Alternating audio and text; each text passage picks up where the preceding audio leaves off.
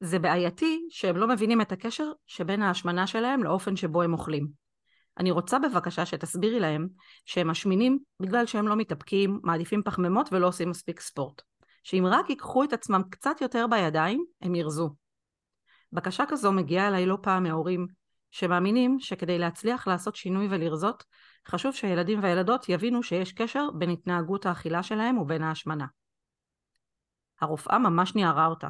סיפרה לי אימא לילדה בת שמונה. היא סיפרה לה שאם תמשיך לאכול כך, היא תחלה בסוכרת, והיא עלולה אפילו להגיע למצב שבו כורתים לה את הרגל. גם אנשי מקצוע, בדרך כלל מתחום הרפואה, מאמינים לא פעם שצריך לזעזע את הילדים, המתבגרים וגם את המבוגרים כדי שיעשו שינוי. אני מודעת לתסכול הרב שמביאה עם ההתמודדות עם השמנה של ילדים ומתבגרים. תחושת חוסר האונים לא פעם היא עצומה. לראות את הילדים המתבגרים שלכם מתנהגים באופן שפוגע בהם, אם באופן מודע ואם באופן מודע ואם אה, לא מודע, מבלי שתוכלו לעשות דבר כדי לעצור אותם, זה קשה, זה מפחיד וזה מתסכל. עם זאת, הנחת היסוד העיקרית שעולה מהמקרים שתיארתי, היא שהילדים והמתבגרים אינם פועלים באופן הרצוי, משום שהם אינם רוצים בכך, או אינם רוצים בכך מספיק. וההרגשה היא שאם רק נצליח להלחיץ אותם, להסביר להם, נצליח לגייס אותם, השינוי המיוחל יגיע. האם זה אופן הפעולה הנכון? האמנם מה שצריך בכדי להצליח לרזות הוא רק, או בעיקר, כוח רצון? כדי לשוחח על כך, אני מתרגשת לארח היום את איילת קלטר. איילת היא דיאטנית ואקטיביסטית, המובילה בישראל קרוב ל-25 שנים את השיח המקצועי והחברתי כנגד מרדף הרזון, תעשיית האשליות של הדיאטה והאפליה על רקע משקל, שמנופוביה. היא מומחית בטיפול בהשמנה, דימוי גוף והתנהגויות אכילה, ומרכזת את מרכז שפת האכילה, מרכז ללימוד וטיפול בהתנהגויות אכילה ותפיסת הגוף, מרכז, המוביל את הידע והניסיון המקצועי בטיפול בהשמנה, התנהגויות אכילה ותפיסת הגוף בישראל, אותו היא הקימה בשנת 2007. בנוסף היא גם סופרת וכתבה ארבעה ספרים בנושא השמנה ואכילה והחמישי ממש בדרך. אבל רגע לפני שממש נתחיל, כמה מילים עליי ועל הפודקאסט. אז נעים מאוד, ברוכים הבאים לפרק חדש בפודקאסט שלי, מסתכלים לילדים בעיניים במקום על הבטן, מדברים על השמנת ילדים. אני ורד יפה חייק, אימא לארבעה ילדים ומתבגרים, חיה וחווה איתם את אתגרי עידן השפע בכל הבחינות, וגם בנושא האוכל, האכילה והמשקל. אני דיאטנית קלינית ופסיכודרמטיסטית, וכבר 23 שנים שאני עובדת עם הורים ומתבגרים ומטפלת בהשמנת ילדים. למדתי שזהו תחום מאוד מורכב ונרחב, הרבה מעבר למה צריך לאכול. למדתי שמעורבים בו כמעט תמיד המון המון רגשות כמו אשמה, בושה ותחושת כישלון. 23 שנים שאני מרצה להורים ולצוותים חינוכיים, לרופאים ולהורים. אני עובדת אצלי בקליניקה בגדרה או בזום, במרפאה בשמיר אסף הרופא או בתוכניות אונליין. אפשר למצוא אותי בפייסבוק, באינסטגרם ובאתר, כל הכישורים ממש פה. המטרה שלי בפודקאסט הזה היא לצלול לעומקן של מגוון תופעות הקשורות לעודף משקל בילדים ולתת לכם, ההורים והמטפלים, הבנה נרחבת יותר של התופעה וגם כלים לטיפול. אז איילת, נעים מאוד ותודה רבה שהצטרפת אליי היום. היי. כיף שאת פה. אולי, אה, אני, אני מכירה אותך כבר שנים, אה, נראה לי שלפחות חצי מדרכי המקצועית, אני ככה עוקבת אחרייך ולומדת ממך המון, ואת בעיניי איזשהו סוג של סמן ימני של כל התחום הזה של הנון דיאט בארץ. אולי תציגי את את עצמך ותספרי על ההשתלשלות העניינים, החיים המקצועיים שלך. אז באמת קוראים לי איילת קלטר, ואני נוהגת להגיד שהייתי דיאטנית עד לפני 25 שנה, ובאמת לפני 25 שנה התחלתי אה, איזשהו מהלך אה, גם אישי, גם מקצועי ומאוד מאוד חברתי, אה, עם איזה רצון אמיתי ליצור פה איזשהו שינוי בתוך השיח ה... שמתנהל סביב התנהגויות אכילה ומשקל גוף. ובמהלך השנים האלה בין הרבה מאוד נסיעות לימודים לחו"ל, לבין לימודים בארץ, לבין עבודה אה, אה, מאוד מאוד אה, אינטנסיבית עם מטופלים לאורך שנים, אה, בעצם פיתחתי את מה שאני קוראת לו היום גישת שפת האכילה, שזה אה, תוכנית לימודים וגם תוכנית טיפול שבעצם עובדת עם האדם דרך שינוי השפה על מערכת היחסים שלו עם הגוף שלו ועם האוכל. אה, אפשר ללמוד את זה היום במרכז שילוב, זו תוכנית לימודים דו-שנתית, שיכולים ללמוד בה אנשי מקצועות הטיפול והבריאות. וזהו, ועשיתי בעצם, אתם יודעים, אני, קצת קשה לי לכמת 25 שנה בחמש דקות, אז נראה לי מספיק בינתיים. כן, אני חושבת שבאמת את עושה, את עושה המון ואת מעבירה המון שאחד המסרים החשובים הוא באמת כל הנושא הזה של, ה, אה, של, של האופן טיפול השונה בנושא הזה אה, של השמנה, שאם בעבר אה, היה נהוג להאמין שכל מה שצריך זה לתת את הידע ולהסביר לאנשים שצריך לעשות 1, 2, 3 וגם פעם איכשהו הידע היה הצטמצם פחות או יותר, צריך לאכול פחות, לעשות יותר פעילות גופנית ועוד היו קוראים לזה משוואה פשוטה להרזייה וזהו ו- ועם השנים ככה למדנו ונחשפנו לזה שבאמת יש פה עוד כמה דברים שנכנסים פה למשוואה הזאת והיא הרבה יותר מורכבת. ולא רק זה, שהמילה רזון או הרזייה היא לא חלק מהמשוואה. זאת אומרת, הטיפול לא מיועד להרזות את האנשים, אלא הטיפול מיועד להבריא את מערכת היחסים שלהם עם האוכל ועם הגוף, שבעצם יוכלו לחיות חיים הרבה יותר בריאים והרבה יותר משמעותיים לעצמם. אה, ונושא המשקל או הקילוגרמים או הקלוריות הוא לא פקטור שמנהל את הטיפול. כן, אה, לגמרי מוציאים אותו מהמשוואה. כן. המטרה, היא, המטרה היא בכלל אחרת. יש פה הגדרה שונה, של ה, הגדרה שונה של המטרה. בעצם הסיבה ש, ש, שביקשתי ממך, שהזמנתי אותך בעצם היום אה, אה, לדבר, היא, על הנושא הזה של הכוח רצון, כי איפשהו יש באמת אמונה שזה מה שצריך בשביל, אה, בשביל להצליח. את יודעת מה, גם אם זה לא לרזות, כי הרבה אנשים יחסית עוד מעדיפים, הם מבינים את זה ומסכימים אה, לשתף פעולה עם, ה, עם הדבר הזה, שרק הילדים יתנהגו אחרת. אה, הם גם מבינים שאם ההתנהגות תשתנה אז יש מצב שגם המשקל יושפע. אבל אה, אין ספק שעדיין המשקל הוא פקטור מאוד רציני פה מבחינת הלחץ שהוא מעורר גם בקרב הצוותים הרפואיים. אבל זה מעלה בכלל שאלה מה זאת הצלחה. האם הצלחה זה ירידת משקל? האם הצלחה זה שהילד אוכל סלט ירקות? בעיניי לא. זאת אומרת, אני חושבת שמימדי הצלחה הם נורא סובייקטיביים ומשתנים. ולכן אי אפשר להתחיל טיפול ולהגיד אני מצפה שיקרה את זה ואת זה ואת זה ואת זה. ברגע שאני מצפה שהילד שלי ירד במשקל או שהילד שלי יאכל סלט ויקפיד לאכול לשתות מיץ תפוזים אז כל פעם שהוא לא ישיג את הדברים האלה אז הוא בעצם לא הצליח או נכשל. ולכן אני אה, מעמידה סימן שאלה מאוד גדול סביב המונח הצלחה. מהי הצלחה? בעינייך היא הצלחה בטיפול כזה? שהילד מוצא את החלקת אלוהים הקטנה שטוב לו, והוא מצליח לחיות את החיים שהוא רוצה, ושאבא ואימא מסתכלים עליו בעיניים אה, אוהבות ומקבלים אותו כמו שהוא, אה, שאבא ואימא לא מסתכלים דרך החור של, ה, של הצ'ופצ'יק מה שנקרא, של המשקל, של הקלוריות, וגם לא כופים עליו או מנהלים אותו, לא באכילה ולא בדברים אחרים. זאת אומרת, ילד שמצליח לפתח אוטוריטה פנימית של עצמו, זה ילד שיכול אה, לפתוח לעצמו את החיים למקום בריא ומאושר יותר.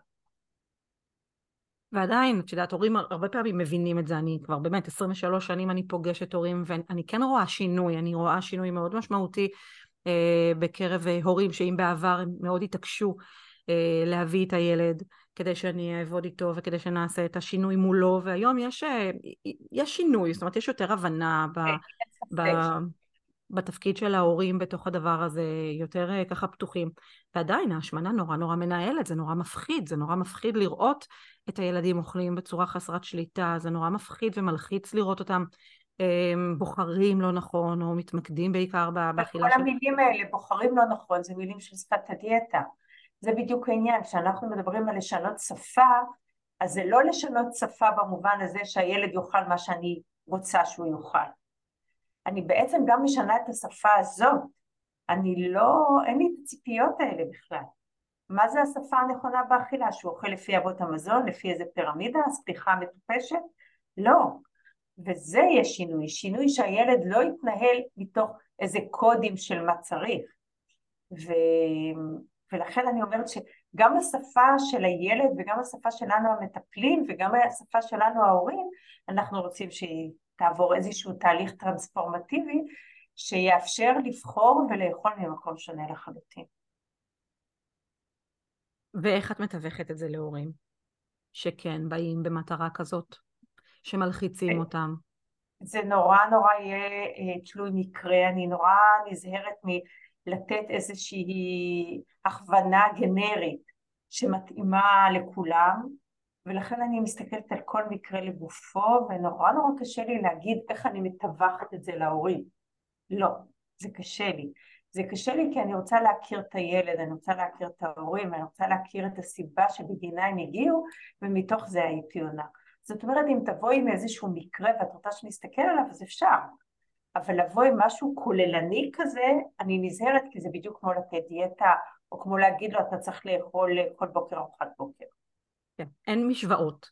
אין משוואות. יש כל משפחה עם הסיפור שלה, כל ילד עם הסיפור שלו, כל אחד עם הצורך, נכון, עם הצורך שלו. אני מסכימה מאוד עם, ה, עם הגישה הזאת. אז בעצם המטרה היא לתת, לעזור לילדים למצוא את המקום שלהם, לחזק את הקשר שלהם, ככה אני גם אה, רואה את זה ומתחברת לזה מאוד, אה, שבעצם אה, לחזק את, את הקשר בין הילד לגוף שלו, את, את יכולת הבחירה בהתאם לקודים פנימיים בעצם שלהם. אז לכוח רצון אין פה בכלל בעצם... הוא לא רלוונטי. הוא לא רלוונטי. אין לו פונקציה, הוא לא קיים. ההפך, זאת אומרת, כשאני מכניסה את המילה כוח רצון, אני מכניסה את המגבלות, אני מכניסה את האיסורים באלף וביוד, ואני מפספסת את הילד. אני, התפקיד שלי זה לתת לו בחירה, להיות מודל בריא. ברור לא ללחוץ אותו להפעיל איזה כוח רצון, כי מה זה כוח רצון? זאת אומרת, מה אני רוצה שהילד שלי יתאפק, מה אני רוצה שהוא יאכל משהו שהוא לא אוהב, מה אני רוצה שהוא יאכל כשהוא לא רעב, זאת אומרת, וצריך להסתכל על זה גם באלמנטים רחבים יותר, כי הרי זה לא רק אוכל, זה מערכות יחסים בכלל.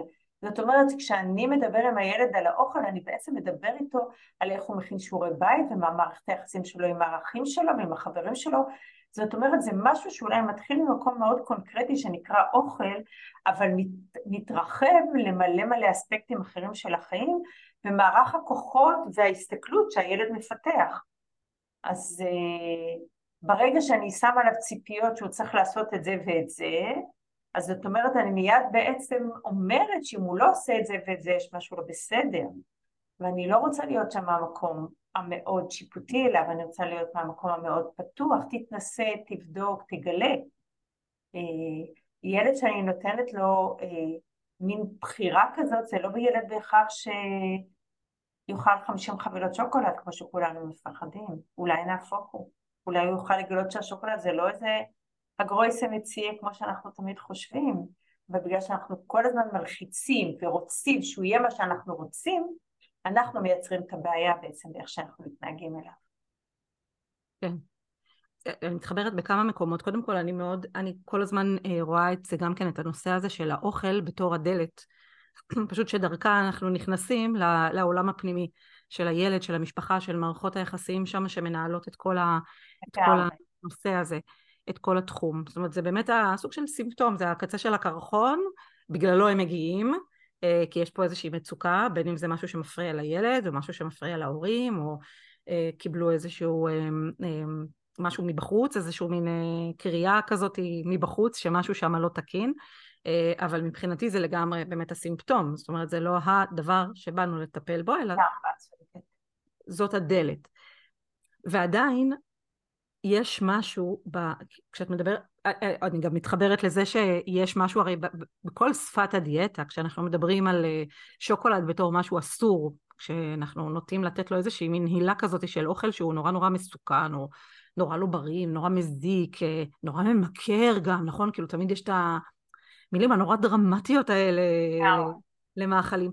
אז אה, בצורה מאוד אה, פרדוקסלית זה דווקא גורם לנו, לכולנו, לרצות מהדבר הזה יותר. ויש משהו ב... משהו ב... ב... באיסור הזה, ב... בשיח הזה, שדווקא כן אה, מייצר את התשוקה ל... מייצרת מים גנובים עם טאקו, ממש ככה.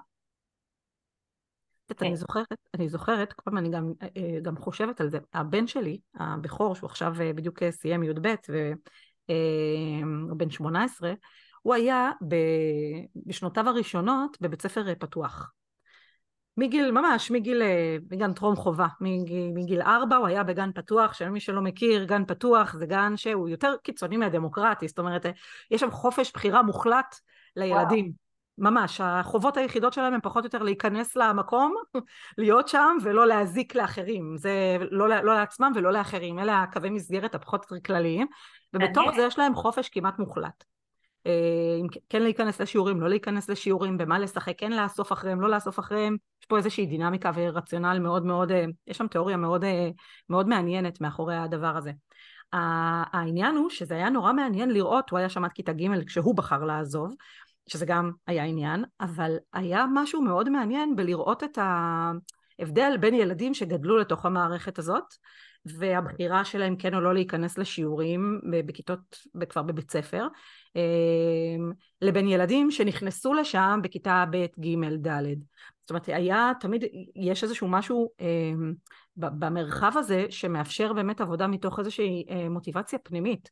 מתוך חקירה פנימית של לקוחות שלי, של מה מעניין אותי, של מה, איפה קשה לי, של מה אני רוצה וכזה. וילדים, אה, ובדרך כלל רוב הילדים שבאמת גדלו שם, מצאו את המקום שלהם. אה, נגיד לא כולם, ניקח סתם לצורך הדוגמה, אה, לא כולם נכנסו לשיעורי מתמטיקה, אבל נגיד לשיעורי שפה או לשיעורי אנגלית או מדעים מצאו את עצמם יותר. לעומת ילדים שנכנסו. בכיתה ב', בכיתה ג', אחרי שהם כבר חוו את מערכת החינוך הקונבנציונלית. המשטר. כן, את המשטר, את המשהו הנורא נורא הצריך הזה, לפי הסדר. ושם באמת היה איזשהו משהו נורא קיצוני, זאת אומרת, היה איזשהו רצון לבדוק את, ה, את הצד השני של החופש, עד שהם הגיעו לה, לאיזון שלהם. העניין הוא שיש משהו מאוד מאוד קשה בלראות את זה מבחוץ. מאוד קשה, מאוד קשה להכיל את זה. כשאת לא חיה בבועה, ויש לך אה, קולות אה, חיצוניים, ש... שאומרים לך, תקשיבי, את עושה טעות, בדוגמה שלי זה הילד בכיתה ב' והוא עוד לא יודע לקרוא, כן? אבל אם אנחנו מדברות על נושא באמת של השמנה, אמ, יש פה עניינים בריאותיים הרבה פעמים, ויש פה דמויות סמכות שהן מאוד מלחיצות, ויש באמת, את יודעת, כל הסיבוכים הרפואיים, ילדים שהם על, בתחילת אה, כבר מצב, אה, כל מיני סיבוכים כאלה ואחרים, עם כולסטרול גבוה או כבד שומני, דברים שאנחנו רואים בגילאים אה, מאוד צעירים. עד כמה אפשר לקחת פה מרחב נשימה, מרווח נשימה כזה, את יודעת, ולהגיד בסדר, בואי ניתן לילד להתנסות, נעביר לו מסר ששוקולד זה בסדר, מה עושים עם זה? אני אגיד את זה בצורה מאוד מאוד ברורה. אין לנו אופציה, כי הדרך האחרת היא כבר נכשלה מזמן. זה לא שאם עכשיו אני יודעת שלילד שלי יש כולסטרול, אני יכולה לאנוס אותו ולא לאכול שוקולד. או אני יכולה לאנוס אותו לא לאכול גלידה או פיצה. אין לי שליטה על זה. אז מראש האופציה הזאת לא קיימת.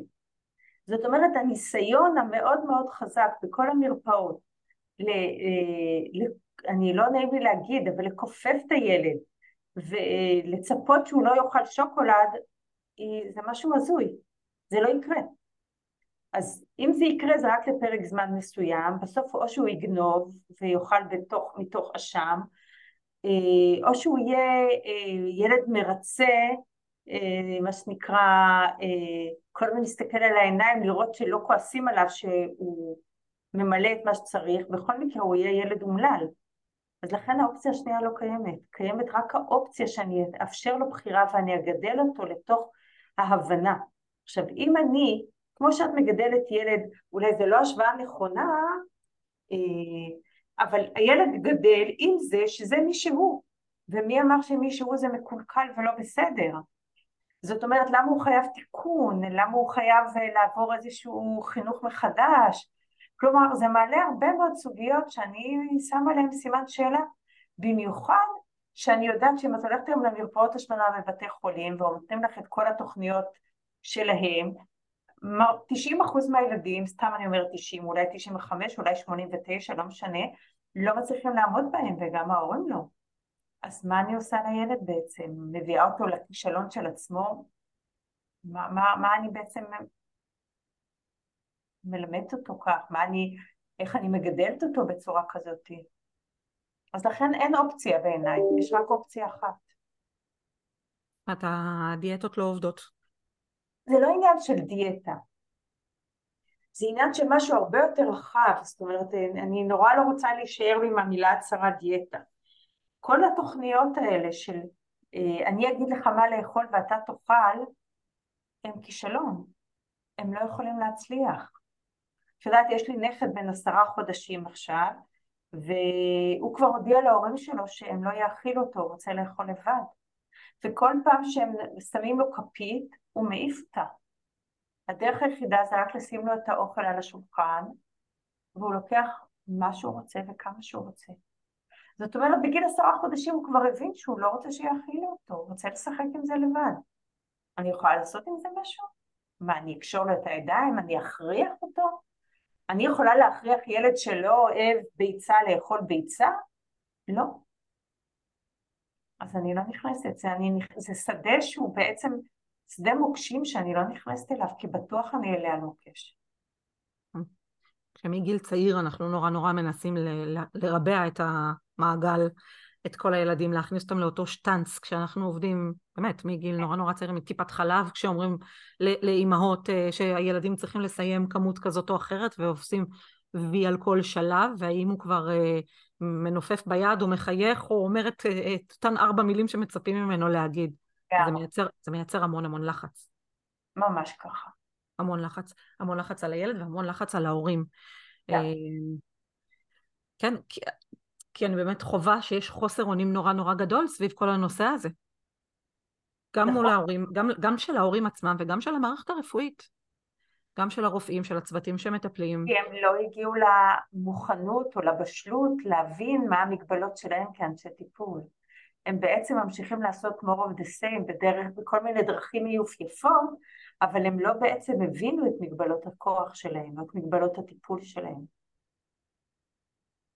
זה כמו שאני מנסה להפוך ילד עם הפרעת קשב, אם התחלנו את השיחה עם זה, אז, אה, ושהוא יהיה בלי הפרעת קשב, אבל יש לו הפרעת קשב, אני צריכה לטפל בו מתוך זה שיש לו הפרעת קשב. לא כדי שאני הולכת להכחיד את ההפרעה, אלא אני עוזרת לו ללמוד לחיות איתה.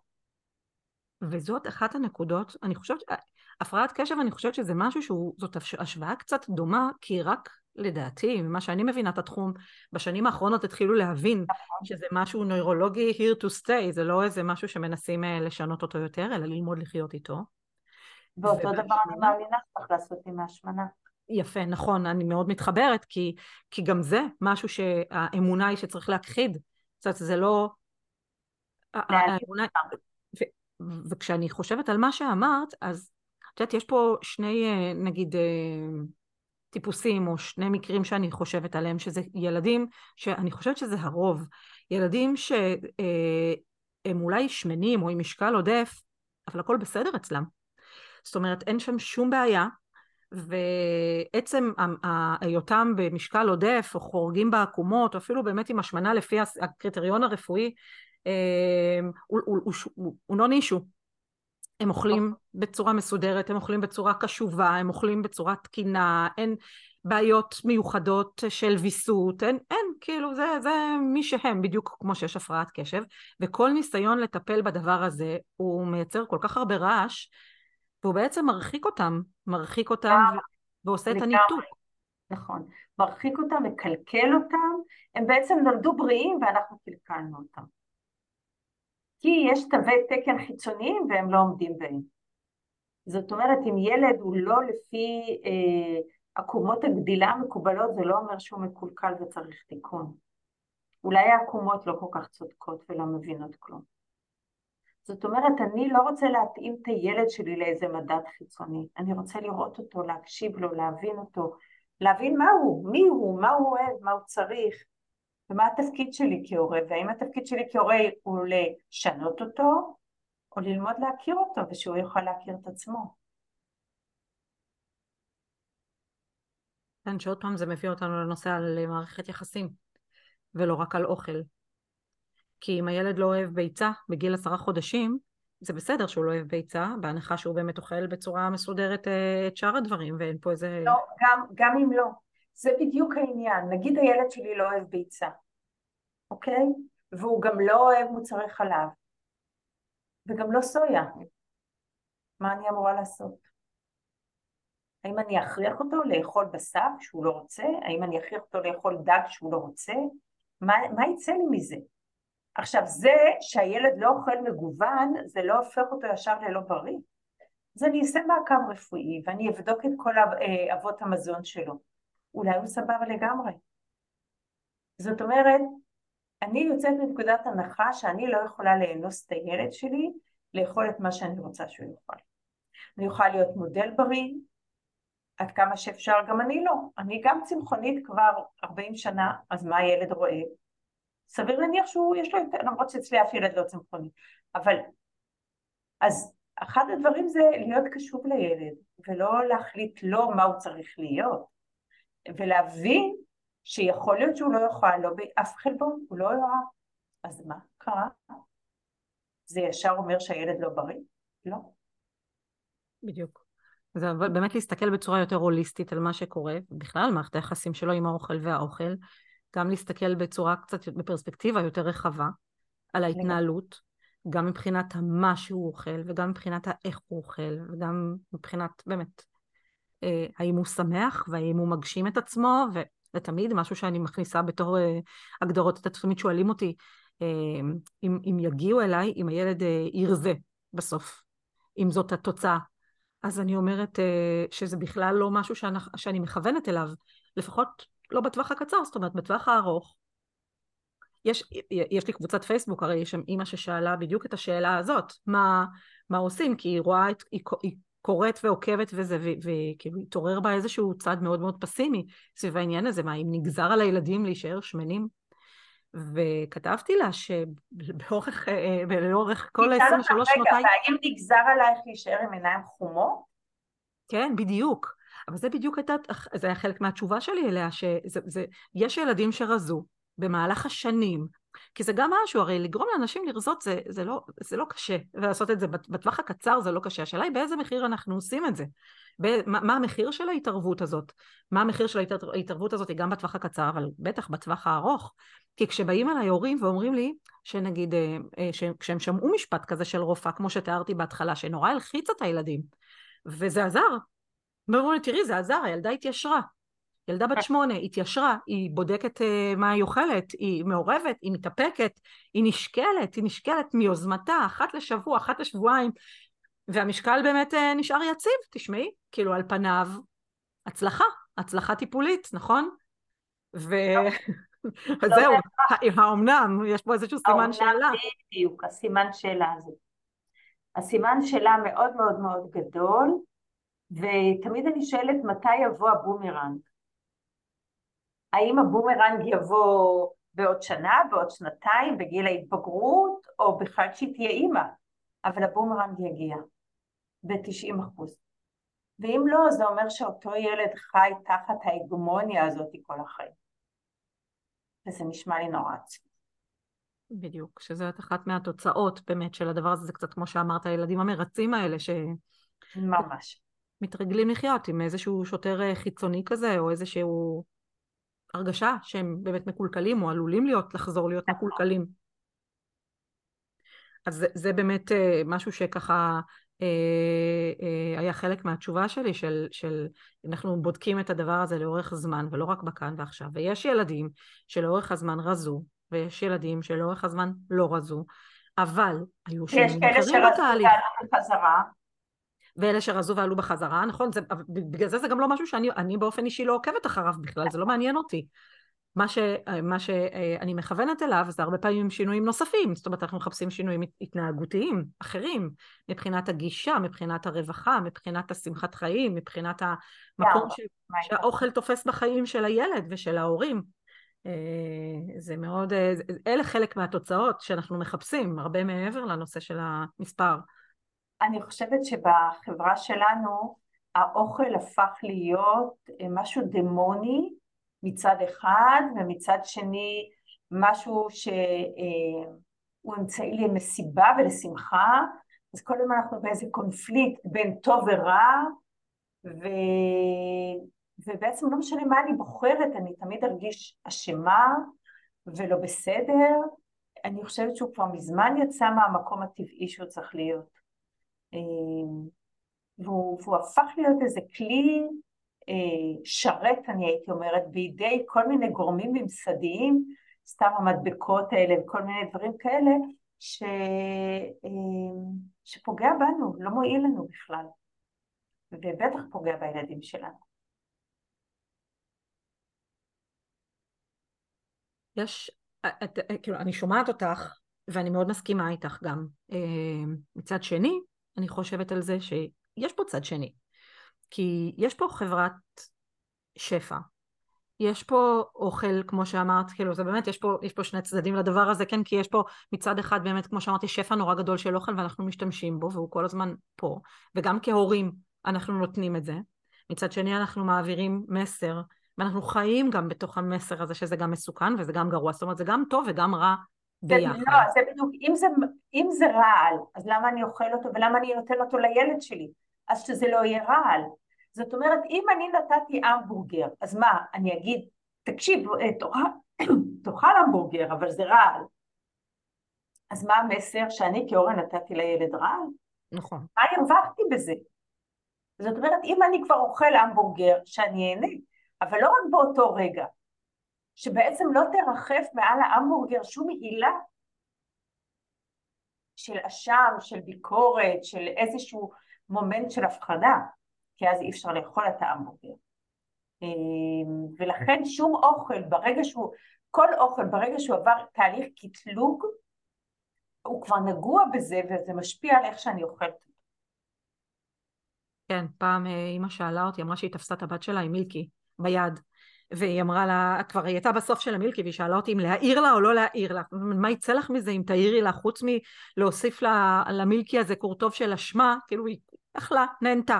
שימי לב על המונח, תפסה את הילדה שלה. עצם המונח הזה, תפסה את הילדה שלה, הוא כבר מראה את כל ההתייחסות. נכון. וזה נשמע אחרת אם הילדה שלי אכלה היום אחרי הצהריים מילקי והיא נורא נהנתה. מה אני אגיד?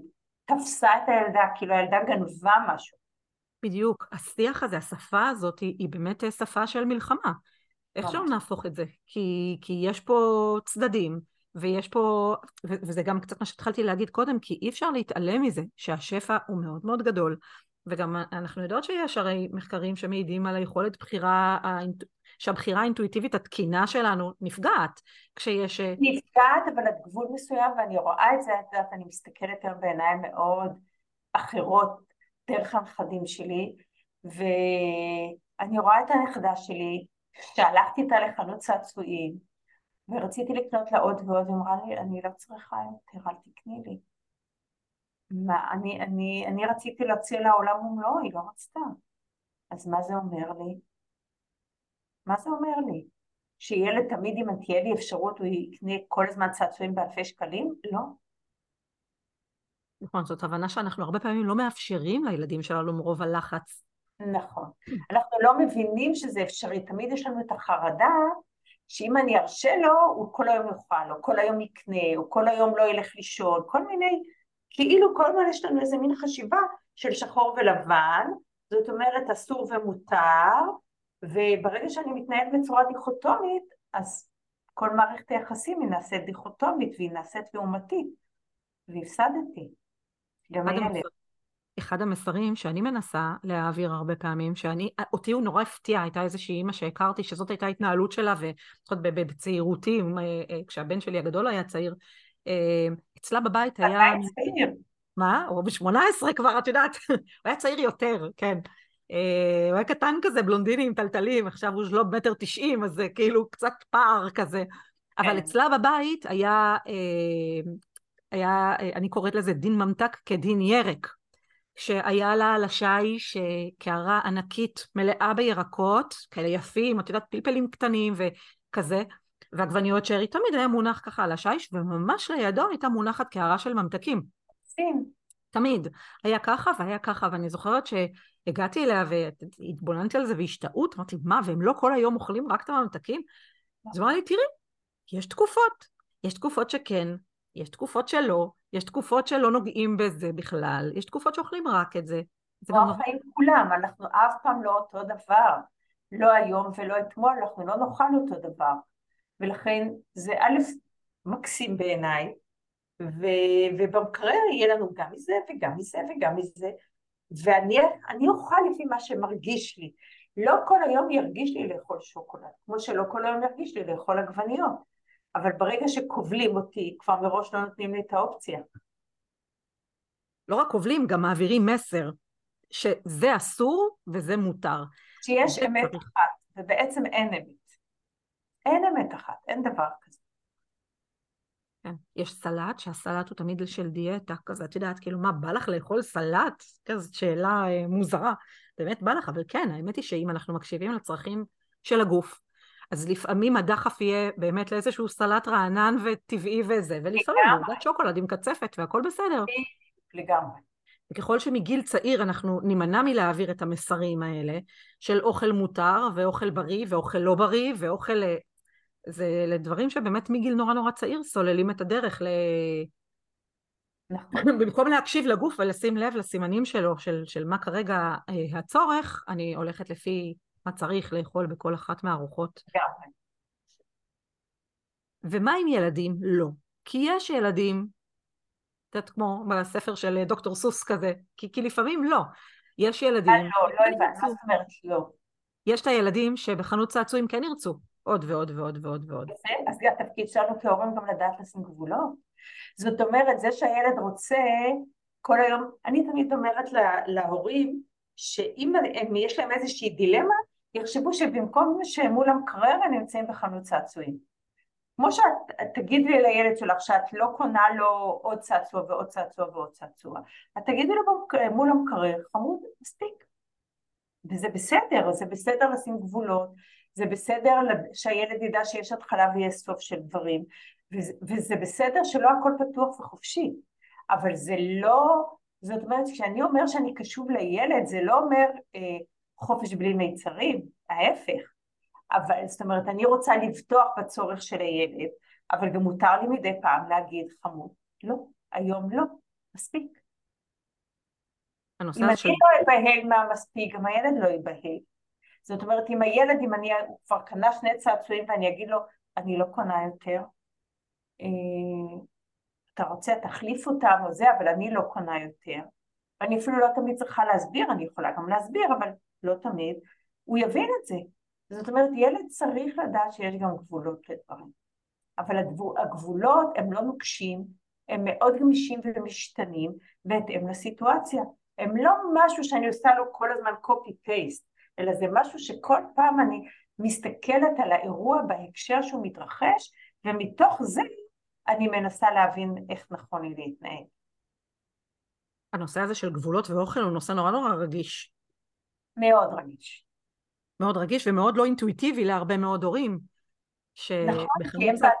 כי זה מצריך מהם, תראי, ברגע שהדברים הם נורא מוחלטים, נגיד חייבים לאכול ארוחת בוקר, אז יש. אז יותר קל לנו לפעמים, נדמה לנו שיותר קל לנו שיש חוקים, אנחנו לא שמים לב שהחוקים, כמו שנדמה לנו שהם נורא עוזרים, הם גם נורא פוגעים, כי אני כמובן צריך לריב כדי לאכוף אותם.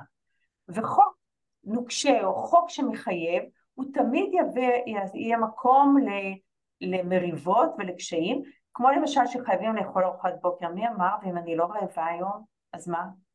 זאת אומרת, אני רוצה להחזיק כל דבר תמיד בהקשר שלו, ומתוך גמישות והשתנות, ולא לעשות copy-paste אה, לשום דבר. זה יותר מ copy paste אני חושבת, כי עוד פעם, בחנות צעצועים להרבה הורים יותר קל להגיד סטופ. מול אוכל יש uh, לזה הרבה פעמים איזשהו לחץ שמתלווה להצבת גבול הזאת, כי בדיוק פוחדים מלייצר את הרעש הזה, ואת יודעת... Uh, בגלל זה אמרתי, אנחנו צריכים לראות את ההקשר, זה לא משהו מוחלט. זאת אומרת, סתם למשל אם עכשיו הילד שלי אוכל עוגה, אוקיי? אז נתתי לו פרוסה, הוא לקח עוד אחת, מותר לי להגיד די, גם יש עוד בני אדם בבית, יש עוד אנשים שרוצים, אה, ולפעמים אני גם לא אגיד. זאת אומרת, כל סיטואציה בהקשר שלה. זאת אומרת, לפעמים אני לא אגיד לו כלום. אם אני נגיד אצל חברים ומגישים כיבוד, אני לא אגיד לילד שלי כלום. לא מול האנשים ולא בלבד כזה בסודי סודות בצד, כלום. הוא יאכל מה שהוא רוצה, אני גם לא אגיד לו כלום אחר כך. סיטואציה. אני תמיד רוצה לראות את הסיטואציה, להבין מה מתרחש בה ולהתנהג בתוך ההקשר שהדברים מתקיימים. אחד הקונפליקטים הבאמת גדולים של הורים איך לעצור, איך לעצור ילדים שבחוץ. עכשיו אחרי, את יודעת, סוף החופש הגדול, אה, בואכה החגים, כל הטיולים עם הבתי מלון, הכל כלול, והקושי הכל כך גדול הזה, באמת הרבה הורים גם הציפו את השאלה הזאת של ילדים בוחרים לא טוב, יש משהו בבופה הזה, שאנחנו לא מורגלים אליו, זה כל השפע ככה באמת בצורה מאוד לפנים, מה שנקרא. אה, הוא נורא מציף, הוא נורא מבלבל, והמון ילדים גם בוחרים לא נכון, בעיני ההורים, כן, עשיתי עכשיו צורה של מרכאות כזה, לא אה. נכון, כי למשל ממלאים את הצלחת אה, בפחמימות, זה גם משהו שמלחיץ, כן, הם לא לקחו, לא לקחו ביצה בכל הימים האלה בבית מלון, או באמת העמיסו, אכלו כמויות נורא גדולות, הביאו איזה ארבע, חמש צלחות, איך לעצור אותם, האם להתערב, האם לא להתערב. תראה, אני מאמינה שמרחב הבתי מלון האלה, או החופש בלי מיצרים, הוא תמיד לעומתי, לעומתי בעין, זאת אומרת, הוא תגובתי לאיך היה, איך הייתה מערכת היחסים עם האוכל בבית בשגרה. זאת אומרת, כשאני יוצא מחוץ לשגרה, אז הילד יגיב בצורה מאוד קונטרסטית למה שהיה בבית. או שהוא יהיה חייל ממושמע של המסגרת, או שהוא יפרוץ את כל הגבולות ויעשה אנטי. זה יהיה מאוד מאוד אה, תולדה של מה קרה בבית, ואיזה שפה מדברים בבית, ומה הילד שומע. מה הילד שומע? האם הוא שומע, טוב יאללה, עכשיו תמות נפשי עם פלישתים? מה, מה הוא שומע? ומתוך זה הוא מתייחס גם לאוכל, זאת אומרת איך שאני אתייחס גם הוא יתייחס, ואיך שהוא אכל בשגרה הוא יתייחס לעומת זה בנופש, זאת אומרת אם תמיד מותר לו ממתקים או אם תמיד לא שמים לו אזיקים, אז סביר להניח שהשפע הזה לא יטריף את דעתו בכלל, או אם הוא מורגל בשפע, לא יזיז לו. וגם נגיד הוא מילא את הצלחת במלא דברים ושלושת רבעי הוא לא אכל, שלא היה. אני לא אתחיל לחנך אותו שם ואני אגיד שלא זורקים אוכל או כל מיני מילים מתחסדות ואבלבל אותו לגמרי. או צריך. או צריך. לקחת. ארוחת בוקר צריכה להיות עם חלבונים, צריכה להיות... אה, לא. זה היה יפה בטיול אנחנו... אני רוצה בזה שאני הייתי מודל טוב בבית וגידלתי את הילד שלי אה, להסתקרן, לאכול מאופן, באופן מגוון, אבל יהיו הרבה פעמים שממש לא יבוא לו וירצה לו רק, הוא ירצה עוגה, או שהוא ירצה קורסון, או שהוא ירצה ג'חנון, לא יודעת. כן, אני חושבת שזה מעניין להתבונן על זה בעיקר. אני מנחה הרבה פעמים מורים להתבונן, לא להגיב, אלא רק באמת ללמוד נכון. ולראות מה אפשר להבין מהסיטואציה הזאת באמת על מה שקרה קודם, כי זה לא נעשה ב- ב- בחלל ריק, כל ההתנהגות הזאת של הילדים.